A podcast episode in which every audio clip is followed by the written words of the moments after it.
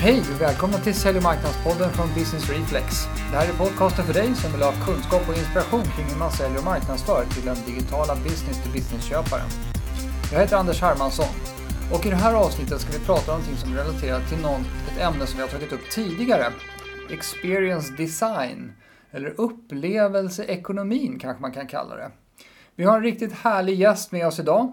Det är Arvid Axland. Han har nämligen skrivit en bok om just detta ämne. En stor, härlig, tjock bok som tar upp ämnet ur massa olika vinklar. Och det är det vi ska prata om idag, jag och Arvid. I och med det, över till intervjun med Arvid Axland. Arvid Axland, välkommen till Sälj och marknadspodden. Tusen tack! Jätteroligt att vara här. Ja, men det är kanon. Jätteroligt att, eh, att du kunde komma förbi. Jag var ute och surfat lite grann och kollade efter intressanta ämnen om vi kunde ha med några bra personer i podden och hittade eh, din bok som du har skrivit på Bokus. Och du har skrivit tillsammans med en dansk, eller hur? En dansk fast han bor i Norge. Jaha, Mm. det är en sån där. Ja. Precis, och skriver böcker på svenska. Okej, Han är, heter Nils Kjærgaard Jensen. just det. Det var bra att du fick säga det för jag var inte jättebra på danska. Eh, vad heter boken? Boken heter Jakten på känslan. Jakten på känslan. Eller Konsten att skapa meningsfulla upplevelser. Ja, härligt. Och vi är inom, inom marknadsföringssvängen här när vi pratar om det där. Eller hur skulle du kategorisera boken? Eh, ja och nej. Eh, Ett huvudbudskap i boken är ju att allt som ett företag gör och inte gör och allt som ett företag säger och inte säger påverkar vår upplevelse Just det. det. Så Ja. det här är en väldigt holistiskt eh, perspektiv på upplevelsedesign. Härligt. Och i det ingår då marknadsföring såklart. Som en viktig del. Oh, ja. Bra, då är vi lite på spåret Ja. tror jag. Och även sälj. Så att, eh, Ja, just det. mm, Alla kontakter. Vi kommer in på det mer sen. Men, men eh, kan du berätta, varför har ni skrivit boken? Eh, ja, men jag drivs av eh, en stark övertygelse om att det går att skapa en bättre värld med bra kommunikation. Och att om vi kan bjuda vår omvärld på bättre och mer meningsfulla upplevelser så, så att de känner sig mer värdefulla så kommer också företaget som representerar upplevelserna att bli mer värda. Ah. Eh, och det är därför som jag, vi har skrivit den här boken och Mm. det är därför som jag driver en kommunikationsbyrå också som heter Pool. Just som det, försöker det hjälpa till Ja. med den här frågeställningen. Ja, vad härligt. Vilken härlig, bra grund, eh, grundförutsättning att jobba Ja. ifrån. Ja. Eh, vi vill ju alla göra ett avtryck i världen, eller hur? Ja, och helst på ett positivt sätt. Helst. Sen finns det vitt skilda meningar om vad det är för någonting. Vad bra. Men hör du, jag tänker så här också. Okej, det, det här har ju säkert varit någonting som varit intressant länge. Men varför skriver ni boken nu då? Jo, det har varit intressant länge. Eh, det har blivit extra intressant, eh, låt säga, de senaste tio åren. Ja, Vi ser en, en kraftig förändring av eh, konsumentbeteenden. Där man söker sig i allt större utsträckning efter upplevelser och, och upplevelser som rimmar väldigt väl med, med mina värderingar. mm. Eh, och när en upplevelse landar rätt där, då, då blir den ofta meningsfull och det är därför vi har det begreppet i boken, meningsfulla upplevelser. Någonting som, som betyder någonting mer än bara lycka för stunden, utan som, som berikar mitt liv eh, på ett större sätt. ah, okej. Så, och det, det, det är ett tydligt konsumentbeteende där, där vi kanske för 10-15 år sedan eh, var det betydligt viktigare vilken bil vi hade på garageuppfarten till exempel. Ja, Eh, nu blir det snarare vilka upplevelser som vi tar tag i och gör till en del av vårt liv, det som, som bygger oss då. aha, okej. Hur, hur kommer det sig att det här har förändrats nu senaste tiden? För vi pratar mycket, man knyter ofta nästan allting som händer till någon form av digitalisering. Men det kanske inte är det som är... Jo, det är eh, absolut har det skyn- digitaliseringen skyndat på den här Ja. eh, processen. Men det har också att göra med lite större och, och eh, eh, långsammare trender såsom att eh, samhällsstrukturerna runt omkring oss i vår värld har eh, rasat samman. Mm.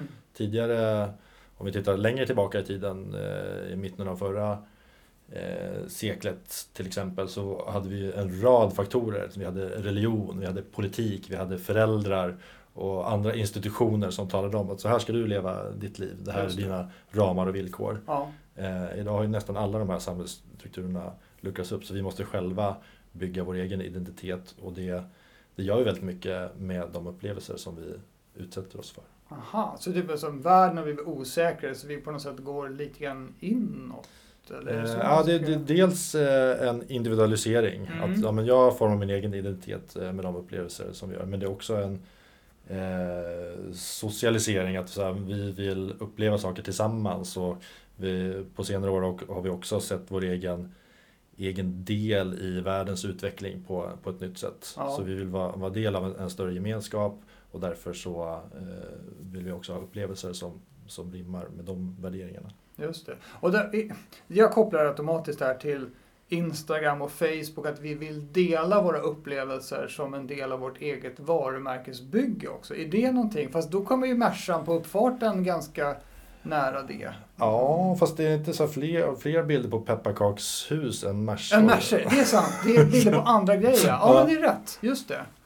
Ja, så det, det finns, men man vill gärna se till att få andra att förstå vilka upplevelser man själv är med om eller producerar. Ja, det tycks vara en mänsklig drivkraft att eh, bygga en berättelse om sig själv. Och det mm. eh, var ju såklart någonting som fanns innan sociala medier också. Men, mm. men som där sociala medier har, har hjälpt till att eh, stimulera det behovet hos människorna. Där ja. men, titta vad jag har varit med om. Verkligen. Eller titta vad jag försöker få er att tro att jag varit med om. Ja, snarare. Det är, det är kanske inte den sanna bilden alltid får på Instagram. Men jag har faktiskt ett exempel. Det finns ett filosofiskt exempel eh, som är någonting i stil med eh, om ett träd faller i skogen och ingen har varit med om det, ha, det. har det då fallit? Ja, alltså. just det. Och så skulle man kunna resonera kring en upplevelse. Mm. Om, om jag har sett en solnedgång men inte postat det på Instagram, har jag varit med om den då? Just det. Det är frågan. Lite att hårdra det, men ja. man, det finns ändå en relevans i liksom, experimentet. Exakt. Ja, äh, intressant. Jag tycker det är en mycket intressant startpunkt för att det, det, det, som, äh, det, det som motiverar mig också, det är ju sådana saker som kommer ur förändringar i mänskligt beteende. Så att man inte bara hugger på någon tekniktrend eller något sånt. Att nu finns Facebook, då kan man göra så här. Utan det är verkligen det, det är en mycket, mycket djupare förändringsorsak. Absolut. Så det, det är en intressant, det gör att det... Och hade inte de funnits så hade inte Facebook fungerat. Så, Nej, så enkelt är det Just det, precis. Jaha, eh, vad ska man säga nu? Okej, vi pratar om upplevelseekonomin. Ja. Vad är upplevelseekonomin? Ja, men upplevelseekonomin, du får nästan slå upp boken, jag har en eh, definitionsuppslag här. Att skapa ekonomiskt värde och tillväxt där upplevelsen utgör hela eller delar av värdet av en produkt eller en service. Ja. Eh, och, så definierar vi det.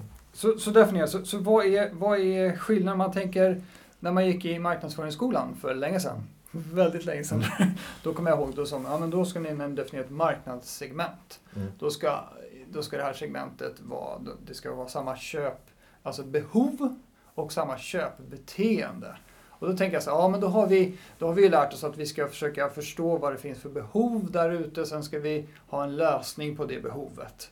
Men hur, hur har det här är det att behovet har förändrats eller är det en helt annan mekanism att se på hela den här grejen? Eh, behoven kanske kvarstår men hur jag värderar olika upplevelser runt omkring mig har ju förändrats. Och det är delvis en generationsfråga skulle jag säga. Men till exempel jag eh, kom ju på mig själv, eh, beställde en kaffe på något jättefint hotell i Barcelona. Mm. Och den kostade väl 59 spänn eller något mm. sånt där. Jag tänkte först, shit vad dyrt för en kopp kaffe. Mm. Men sen så tittade jag mig omkring och så noterade jag nu har jag suttit här en timme och njutit av den här fantastiska miljön. Ja. 59 kronor var ju väldigt lågt pris för, för den upplevelsen. Du har hyrt en stol och du har, det är det som du har gjort Ja, egentligen. precis. Och det finns ju företag som, apropå att eh, upplevelsen liksom är, är hela eller delar av värdet, att mm. man har förstått att ja, men det är det man kan ta betalt för och kaffet kanske rent av är gratis. Liksom. Just så man, man förändrar sitt erbjudande. Det är liksom att hårdra upplevelseekonomi, att man förändrar sitt erbjudande så att eh, man till och med tar betalt för den upplevelsen det ger, ja. inte produkten i sig. Då. Ja, just det. Att man råkar ha en produkt som stöttar upplevelsen. Egentligen. Mer eller mindre, ja, precis. Men det är om man drar det till sin spets. Sen finns ja. det ju fortfarande produkt och tjänsteföretag som kan använda upplevelsen som ett lager utanpå den produkt man faktiskt tar betalt för. Eh, för att göra den mer eh, Ja, det är väl ofta, det, som jag tänker man sorts grunderbjudande, hotellet i sig ska ha en säng och det ska vara hyfsat tyst på rummet. Men därutöver så börjar man lägga till massa andra grejer för att få det hela till en komplett upplevelse. Mm. Det, det, är lite så man får se på det ur ett perspektiv då. Mm. Och sen finns det andra produkter. Det, hur, hur det här med eh, ett, ett, annat sätt att konsumera då? Om man tänker att vi förut köpte en cykel. Mm nu köper vi ingen cykel, för vi behöver ingen cykel när vi inte cyklar. Utan, Nej, men vi behöver tydligen cykla Vätternrundan för att det... Det kanske vi gör. Ja, just det. Ja. Så, så då, och, och, då kan det bli så att, men då ser jag till att någon förser mig med en cykel när jag ska ha en cykelupplevelse. Mm. Det, har ni sett sådana saker också? Att det finns andra sätt att tillhandahålla prylar som vi förr köpte och ställde i en garderob. Och nu kan man liksom hyra det. Ja, men nog ja. Det ju, eh, finns ju flera företag som har revolutionerat branscher. Och, med, med och, och kan man delnings- koppla det till, till upplevelseekonomin, tycker du? Eh, kan man koppla till upplevelseekonomin? Eh, eh, beroende på, eh, men eh, jag kan ta ett eh, exempel, Home Exchange till exempel, Ja. som har tillsammans med Airbnb och så vidare Ja. revolutionerat liksom hur vi vä- väljer att bo. Mm. Eh, Home Exchange eh, för mig som har använt tjänsten är ju inte för att få ett billigare boende utan Nej. för att få uppleva en eh, ort från ett lite mer lokalt eh, perspektiv. Att Just få bo i någons bostad istället Mm. för att eh, på ett hotellrum. Så den är ju upplevelsedriven skulle jag säga. Just det. Och då är hela deras erbjudande det är bara facilitera det där. Ja. Möjliggöra Ja. det där bytet helt enkelt. Med lite lägre risk. Japp. Ja, ja intressant. Du, eh, vi var inne lite grann på det här med kaffet. Om Mm. vi tar det som ett exempel Mm. på upplevelseekonomi. För jag, jag, det är inte helt självklart om man tycker att en kopp kaffe tillhör upplevelseekonomi. Men om vi nu ska försöka använda det som ett exempel. Då var ditt Barcelona-kaffe där. Ja, precis. Eh, och det är inte det dyraste kaffe jag druckit, ska Nej. jag erkänna.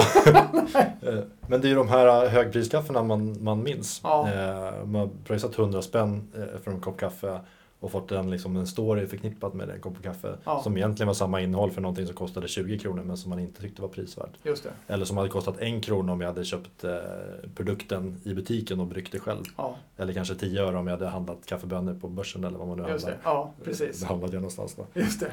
Ja. Eh, Så det är, i det fallet är det ju en spektakulär skillnad. Liksom. Just det. Så de som har fattat att det är upplevelsen av det där som är runt omkring kaffet, ja inklusive kaffet Ja. då, de som har fattat det kan göra sjukt mycket pengar och sjukt mycket nytta. Absolut. Och jag har ännu inte betalat 1000 kronor för en kopp kaffe. Men Nej. jag skulle kunna tänka mig det om eh, Tips till Arvid Nordqvist till Ja. exempel om någon lyssnar på Ja. det här. Bli utbjuden till eh, rosteriet, få plocka ihop min egen bönmix. Ja.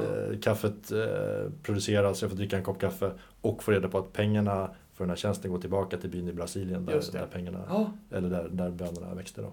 bra idé. Ja. Ja. Man blir så inspirerad. Vi startar, vi startar ett kafferosteri helt plötsligt. Ja. Det har inte på förut.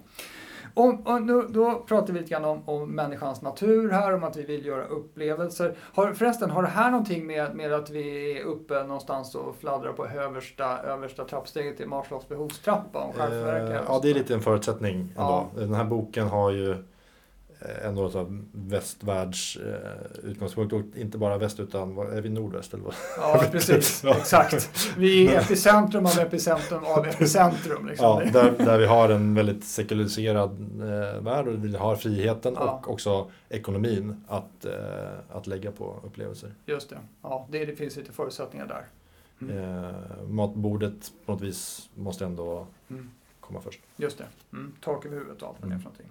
Du, om vi kollar på det här med eh, konsumenten och, eh, och mycket som, som den här podden handlar om, business to business-världen. Mm. Eh, och då har vi ju, eh, då har vi ju en ständigt liksom, upprepad lögn om att business to business-köpare är objektiva varelser som, som köper på rationella argument Mm. och sånt där. Vad har du att säga kring det där och upplevelse i den här B2B-kontexten? Liksom? Ja, men jag är ju ledsen att göra oss besvikna. Vi, rubriken på boken då, Jakten på känslan, eh, leker ju med, med det. Och, ehm, det kan vara lite knäckande. Det var ett, ett citat från eh, Kahneman, Nobelpristagaren. Du kanske har haft någon podd om, om hans teorier. Men Nej, inte han, ännu. nej, han säger bland annat att eh, eh, någonting i stil med eh, We are eh, to eh, eh, thinking as cats are to swimming. We can do it but we don't like it. eh, det har han liksom byggt mycket teorier kring då. Eh, Och det är lite knäckande för vi har ju byggt upp vår identitet som art kring Homo sapiens, den Ja. tänkande, rationellt det. resonerande Ja. människan. Och sen så visar det att nej men det kanske inte riktigt stämde. Om vi Eh, absolut måste tänka så Om vi det. absolut måste så, så får vi göra det. Men det krävs mycket energi då tydligen av vår hjärna att koppla Mm. på det tänkandet. Och det är Mm. snarare så att vi gör det i efterhand. Just Så det. att när vi har fått en bra känsla av någonting så använder vi de rationella skälen till att bekräfta att yes, det här var rätt val. Ja, Och det är kanske de som vi tar vi- vidare in i en organisation där vi ska motivera varför vi har köpt vad vi har köpt då. just det. Inom- Inom business to business. behöv, de, de, de, de spelar en roll men det är inte alls de som... Det är inte där det börjar i alla Nej, fall. just det, precis. Man måste plocka ihop bilden Mm, inför andra och inför sig själv. precis. Ja. Så, så, så, så det, är, det är väldigt relevant att prata om det här även i de här lite mer då, ja, som vi tror formella business business Ja, men med risk för att svära i kyrkan så gillar jag inte ens begreppet business to business. Nej, berätta det. Var, var, varför gillar du inte det? Nej, därför att det är ju oavsett vad, vem man ska kommunicera med så vill jag ha utgångspunkten att det är en människa. Ja, det är inte det. en business, utan Nej. det är en, en människa som, som ska eh, påverkas och, och, och känna starka saker. Ja, just det. Och då blir jag begränsad eh, i mitt eh, huvud när jag tänker att det är business to business. Just det, human to human. Human to human vore sån. mer kreat- Ja, kreativ utgångspunkt. ja, exakt. Det blir intressant sen om, eh, ska vi säga, sju år när det är AI to AI. Ja, Intressant. när de ska övertyga varann, två AI-bottar. Robotarnas förhandling. Ja, det blir intressant. när de nej, jag känner inte för det här.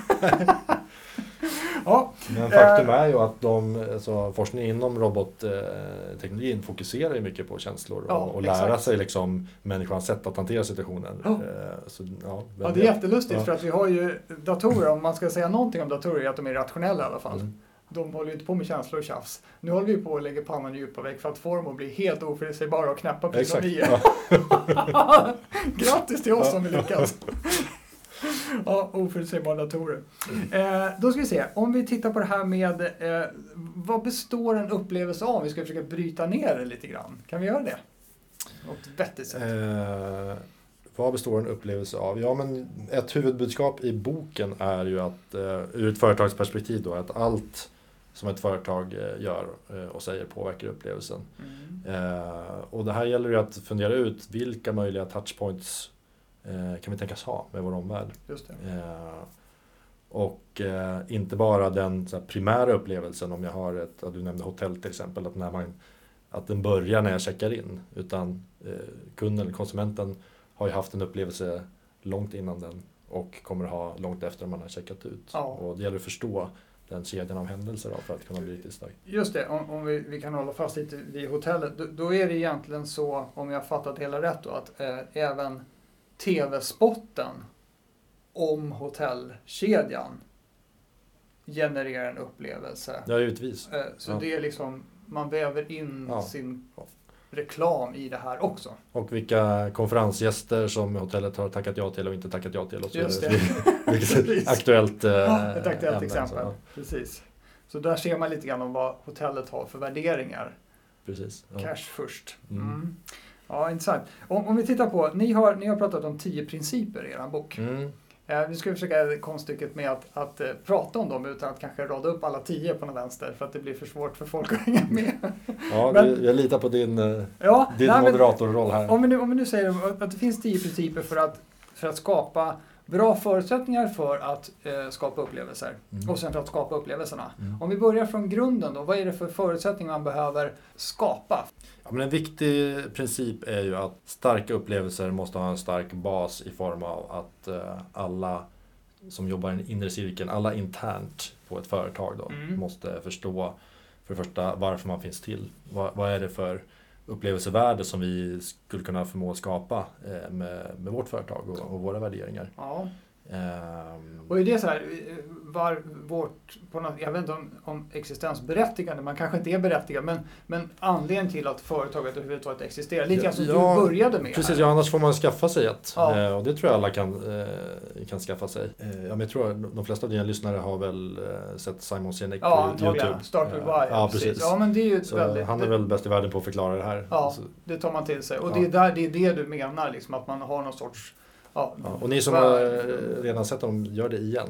Det Ja. tål att ses Ja, en, en gång i månaden. Ja, just det. Fylla på lite grann. Men kan, och kanske också med det här upplevelserastret påslaget. Om man Mm. tänker det vi pratar om nu. Titta på Samhällsunic igen och tänk på det ur upplevelseperspektivet. Ja. Mm. Okej, så där har vi första grejen. Se till att skapa en, en stark, en, en, en bra bas. Sen har vi massvis med, eh, eller massvis, vi har nio till Nio principer. till, ja precis. Men eh, vad ska vi plocka någon sådär? Vi har skrivit bland annat om eh, skapa en arena för umgänge. Mm. Det tycker jag är intressant, det du nämnde tidigare här med att vi är individuella varelser men vi är också sociala. Ja, Då kan man fundera över som företag, kanske är det största värdet vi har att erbjuda är att skapa en plats för människor att mötas. ja, Antingen om du kommer dit med din familj och vill ha en trevlig stund eller att träffa andra kunder till oss och eh, få ett bra utbyte med dem. just det. Eh, och det kan vara ett värde som är ganska lätt att skapa. Som Ja. inte, inte kostar så mycket egentligen men som kanske är större än den tjänst som du eh, egentligen säljer. Just det, så att vi har, vi har en massa kunder och vi säljer vad det nu kan vara för någonting. Jag håller mig kvar vid business to business-världen. Mm. Ja. Svarvar. Ja, Men, men då skapar vi också en, en eh, svarvar-community och så kan det bli ett värde i sig då. till exempel. Där svarvar kan träffa Ja. varandra. En liten, eller en liten workshop där, där svarvaren kan ta med sin farmor och visa hur man Hur, hur det går till. Ja, exakt. Ja, det kan vara, Ja. det, ja, det kan vara kul. Vi, det är många av oss som skulle vilja ha ett så konkret yrke som man kan visa hur det går till. Det är så här, bara, "Nej, vad gör du? Jag, bara, jag, jag gör, jag svarar på mail och så. Precis. jag vet inte vad jag gör. Ja, intressant. Ja, Eh, jag, jag jobbar med telefonen säger min dotter. Ja. Mm. Det exakt. Gör diagram. Jaha, det var en. Skapa en arena för upplevelser. Helhetsperspektivet har vi pratat om, men tål att upprepas. Att Ja. liksom se vilka delar kan vi av liksom kundens upplevelse kan vi gå in och ansvara för. Och Mm. Även om vi så formellt eh, inte ansvarar för det kanske vi ändå ska eh, lägga oss i och, och göra något positivt av det.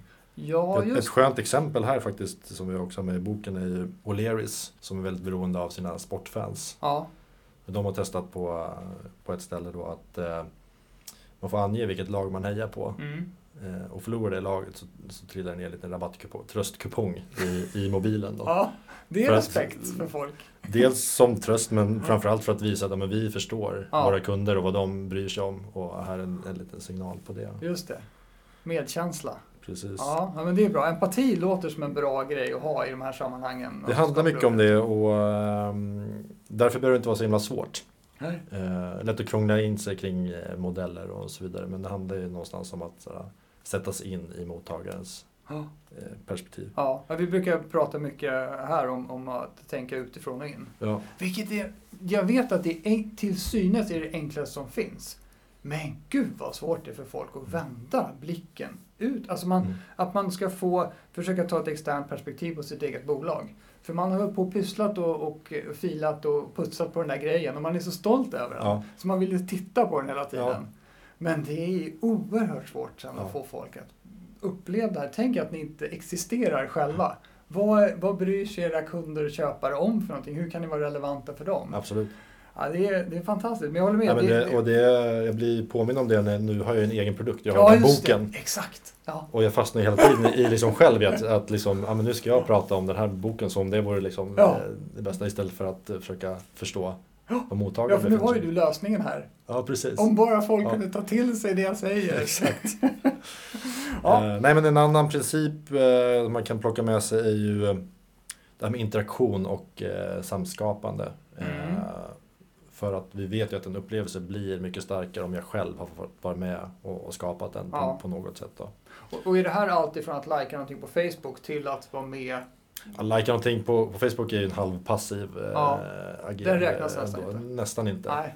Eh, men eh, om jag, och framförallt så, så tror vi på alltså om, man, om jag med min kropp har fått interagera. Liksom. Ah. Därför så ser vi det som en väldigt viktig del i, liksom, om man tittar på en helhetsupplevelse, att jobba fysiskt också Okej. i den här digitaliserade världen. Mm. Eh, om jag liksom själv planterat minnesbilder Ja. i, i hela min kropp kring, kring någonting så, så kommer ju det att eh, leda till en mer minnesvärd upplevelse, någonting som jag tar med mig. Då. Just det, det fäster. Jag lyssnade faktiskt på radion i morse om det här med minnen och hur, hur, hur de eh, är inte så där stabila som vi tror själva. Mhm. Det är intressant. För, Ja. det, kan, för det kan nämligen vara så att om, om man som eh, upplevelsegenerator ser till att pytsa på och hjälpa till att få folk att komma ihåg minnen så kommer man kanske kunna förstärka minnet över tiden till och med.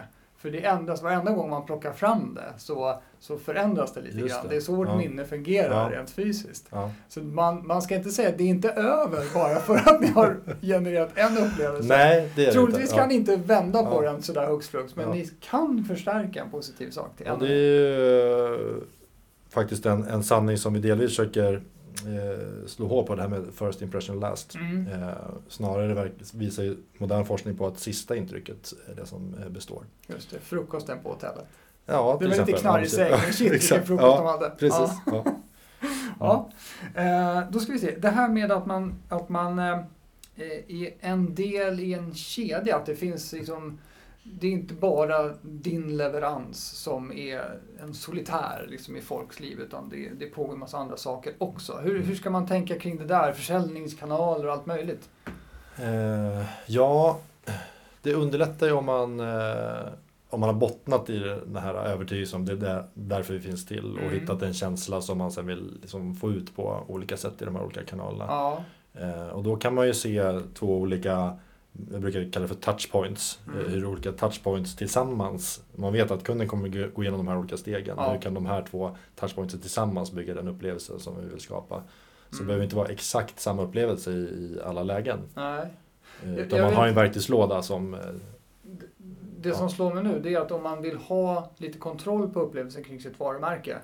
Då, det, det kanske är därför de stora konsumentvarumärkena skapar sådana concept stores. Där de verkligen äger hela grejen.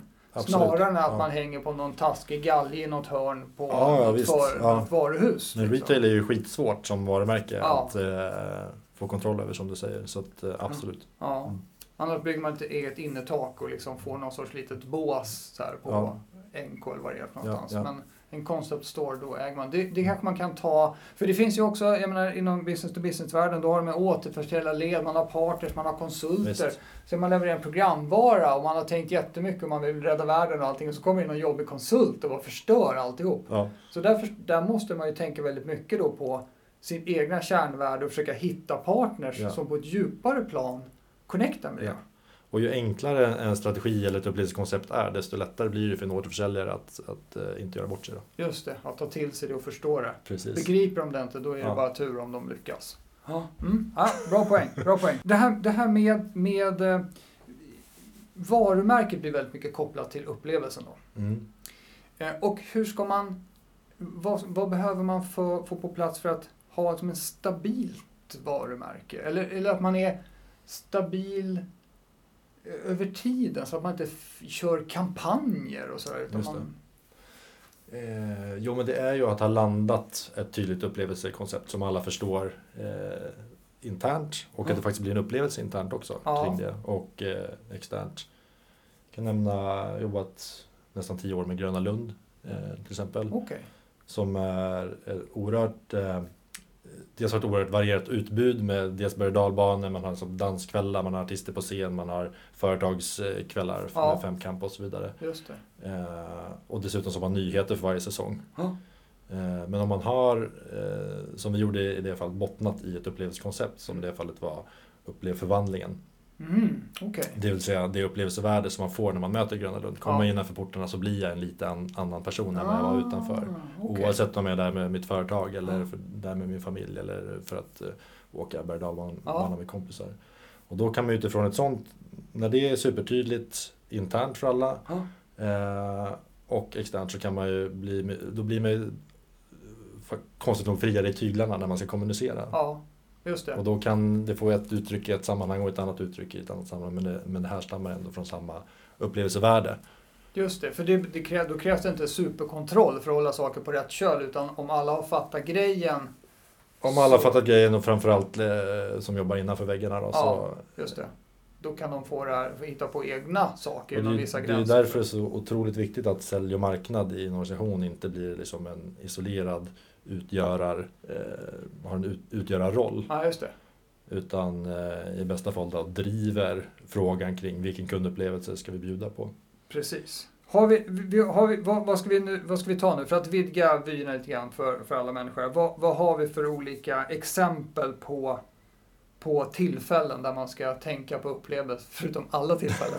Ja. Vad har vi för någonting? Vi har eh, det, det uppenbara, så, ja, men butiksmiljö eller säljbesök och sånt där. Men vad finns det mer för grejer som ni har liksom snubblat på eller tänkt fram som man Mm. oftast glömmer? Ja, som man oftast glömmer. Ja, eller oftast Mm. glömmer, men som kanske inte är lika självklara som att säljarna ska ha kostymer, eller inte kostymer. Ja, men det, det de flesta fortfarande glömmer är ju att skapa upplevelser internt för de egna leden. Aha. Eh, jag noterade min eh, mest likade LinkedIn-post, Ja.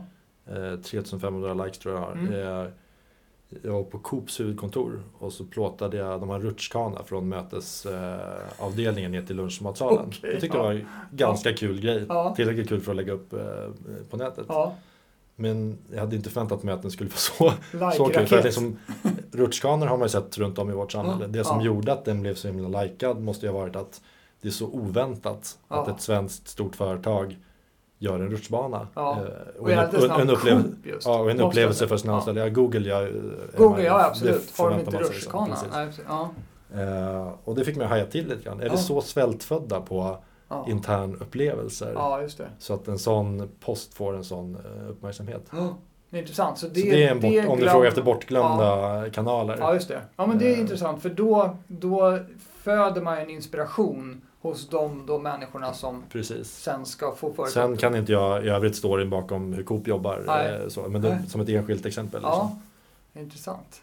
Vi, vi pratade förut när vi inför podden här om det här med att det är människor som gör allting, som gör alla upplevelser. Ska vi försöka sammanfatta den lilla diskussionen vi hade? Det var ju, ja, precis. Nej men eh, egna kanaler. Alltså, det finns Ja, mycket buzzwords idag. ja, exakt, man ska äga Men- sin kanal. Ja, Ja, ägda eller egna kanaler då. Och då eh, filosoferade jag lite eh, för ett tag sedan kring det. Att kanske är de enda egna kanalerna man har eh, sina medarbetare. mm, Det är ändå en medarbetare som representerar vad som ska stå på Facebook. Eller även om det är en automatiserad process så är det en programmerare som har gjort eh, algoritmer för eh, vilka budskap du ska få se när på en retargeting-kampanj. ja, precis. Så, så det måste man tänka på att de där de här kanalerna är alltid resultat, än så länge i alla fall, av att någon människa varit inblandad och producerat någonting i text, i bild i, eller en, en, så att säga, en aktivitet. Ja, så, så kan man välja att se det.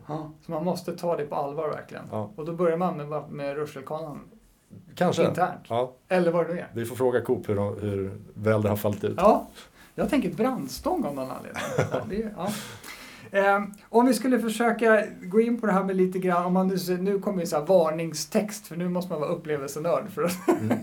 nu dyker vi ner Ja, i de det. teoretiska Mm. Bläddrar vi modellerna. långt bak i boken. Ja, nu kommer vi fram till, till målrakan här kring det här med upplevelser. Nej men eh, det här är ju, vi har ju ett, vi vill ju stimulera flera olika sorters läsare och här är kapitlet för upplevelsenörden som på djupet vill förstå Ja. varför blir det som det blir när man eh, skapar en upplevelse och kanske hjälpa till och med några modeller att hänga upp eh, Ja. ett designarbete kring. Ja, men det, det är Så- intressant. Jag tror att ja. många av våra lyssnare som är så här Som är lite- upplevelsenördar. Ja, eller bra. i alla fall, Ja. alla fall så här, de, de eh, värdesätter sitt logiska tänkande och resonemang och vill Just ha det. modeller bakom. Ja. Så.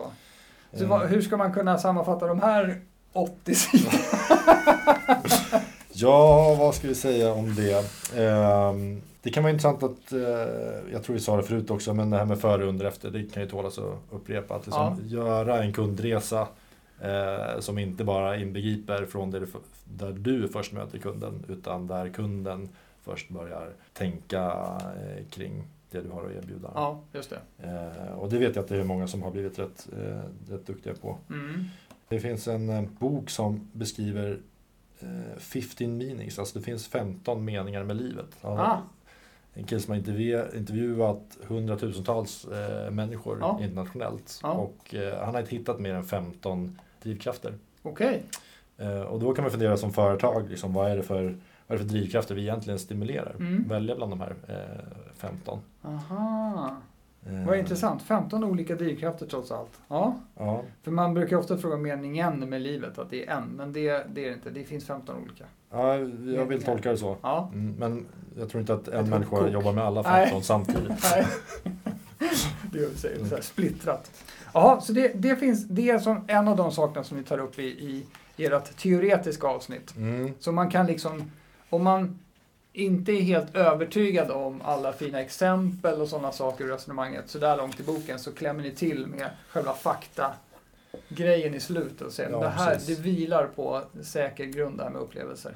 Så är det. Och det har vi även faktiskt i kapitel 1. För jag tror att alla som köper den här boken har ju fattat grejen. Ja, Men däremot kanske deras eh, kollegor och omvärld inte har fattat grejen. Så att en del av den här boken är ju att förse eh, läsarna med eh, bra vad ska man säga, ammunition. ja just det. För att ta för att övertyga Ja, folk runt omkring dem. Då. Så Just att vi har ju, eh, nej men här är ju intressant data till exempel att hur eh, 86% kan tänka sig att betala mer om kundupplevelsen är bättre.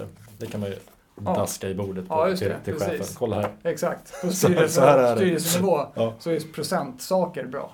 Och eh, intressant här också, 58% är mer benägna att berätta om upplevelser än för fem år sedan. Då är det ännu viktigare. Mm. För det är inte bara positiva upplevelser man berättar om såklart. Nej, Mm. och fler delar fortfarande dåliga upplevelser. Jaha. 90, 95% delar en dålig upplevelse. Ja. Det, är det ett svensk, en svensk grej? Mycket möjligt. Jag, vet, jag har ett exempel från när jag bodde i USA för, för 15 år sedan nu. Då var det rätt varmt på kvällen. Eh, I Brooklyn var det. Så jag gick ut utanför porten och där stod några grannar. Eh, och vårt hus var så här hyfsat risigt. Eh, så jag kom ut där och bara, hej ja, härlig kväll. Och så sa jag till dem så här på svenskt vis. Ja, men hörni, våran landlord alltså. Vad håller de på med? Och de bara kom så här, yeah but it's a great location. och jag bara, ja, helt sant. Så svenskt att försöka Ja. få ihop oss till ett gäng där Ja. och hitta något gemensamt och, och eh, som, om det inte är vädret så är det skatter man ska klaga på. De nappade inte för fem öre på det negativa.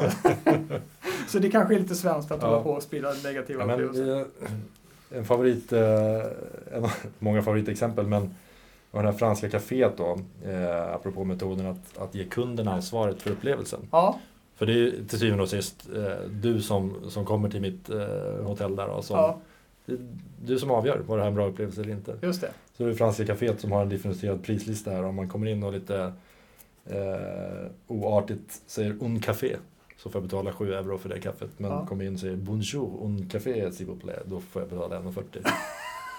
det är helt underbart. Så att eh, våga lägga lite ansvar på kunden också. Ja, man ska inte bara krypa Nej. eh, för sina kunder. Liksom. Exakt, det ska kosta om man vill vara lite så här överlägsen. Om vi, ska vi försöka knyta ihop det här nu då? Eh, om vi tittar på eh, hur, hur man ska, vad ska man ta tag i om man vill sätta igång liksom, med det här? Eh, alltså jag har ju en ambition med, ehm, med boken här då, eh, och ett budskap som att du kan börja i det lilla. Eh, Mm. och bara men, slå upp en sida här och bli inspirerad och gå ut och göra någonting. Eh, jag tror det kanske är det bästa sättet att starta. Att Ja. få igång ett upplevelsetänk genom att göra de små, små stegen. Mhm. Eh, sen så, Så i, I motsats till bra, då tar vi tag i, i ett stort nu strategiprojekt. gör vi ett strategiarbete här i två år och sen Ja. så ska vi gå ut och möta kunder på ett Ja, nytt sätt. Eh, exakt. jag tror inte Transformera om man, oss själva. man lär sig längs vägen. Ja. Dock, eh, som kontrast till det så blir det mycket lättare om man har förstått det här som vi pratade om innan. Varför finns man till och Ja, vilket upplevelsevärde kan vi faktiskt ge? just det. Så det är ju en fråga som man bör ändå lägga tid på. Då. Ja, inledningsvis. Mm. Eh, men man behöver inte invänta svaret på det innan man går ut och gör bra saker för Nej. sina kunder. Det är bra. Det, det, det finns ingen liksom, ursäkt för att inte börja på Nej, du börjar i eftermiddag. Ja, absolut. jag fick så ångest på en Ja. Eh, Härligt snack tycker jag. Mm. Eh, då tänker jag så här, eh, vi har ju pratat om en bok. Som för övrigt så här, jag fick en bra känsla av boken. Vad kul, det Ja. gläder mig. Ja, jag förstår det. Ni har tänkt en del på det. Ja.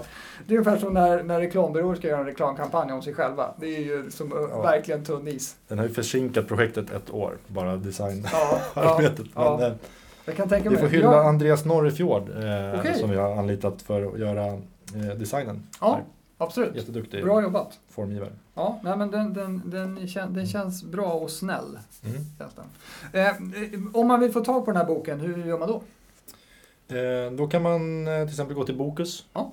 leta upp den där. Just det. Eh, men det finns också en del gratismaterial. Ja. Eh, på jaktenpåkänslan.se så finns till exempel alla de här exemplen i kapitel 4. Ah, vi bjudit- bjudit vi kan länka till dem i show notes. Ja, perfekt. Och lite nytt material som inte hann komma med i boken också. Okej, bra. Ja. Vad, om man vill få tag på dig då?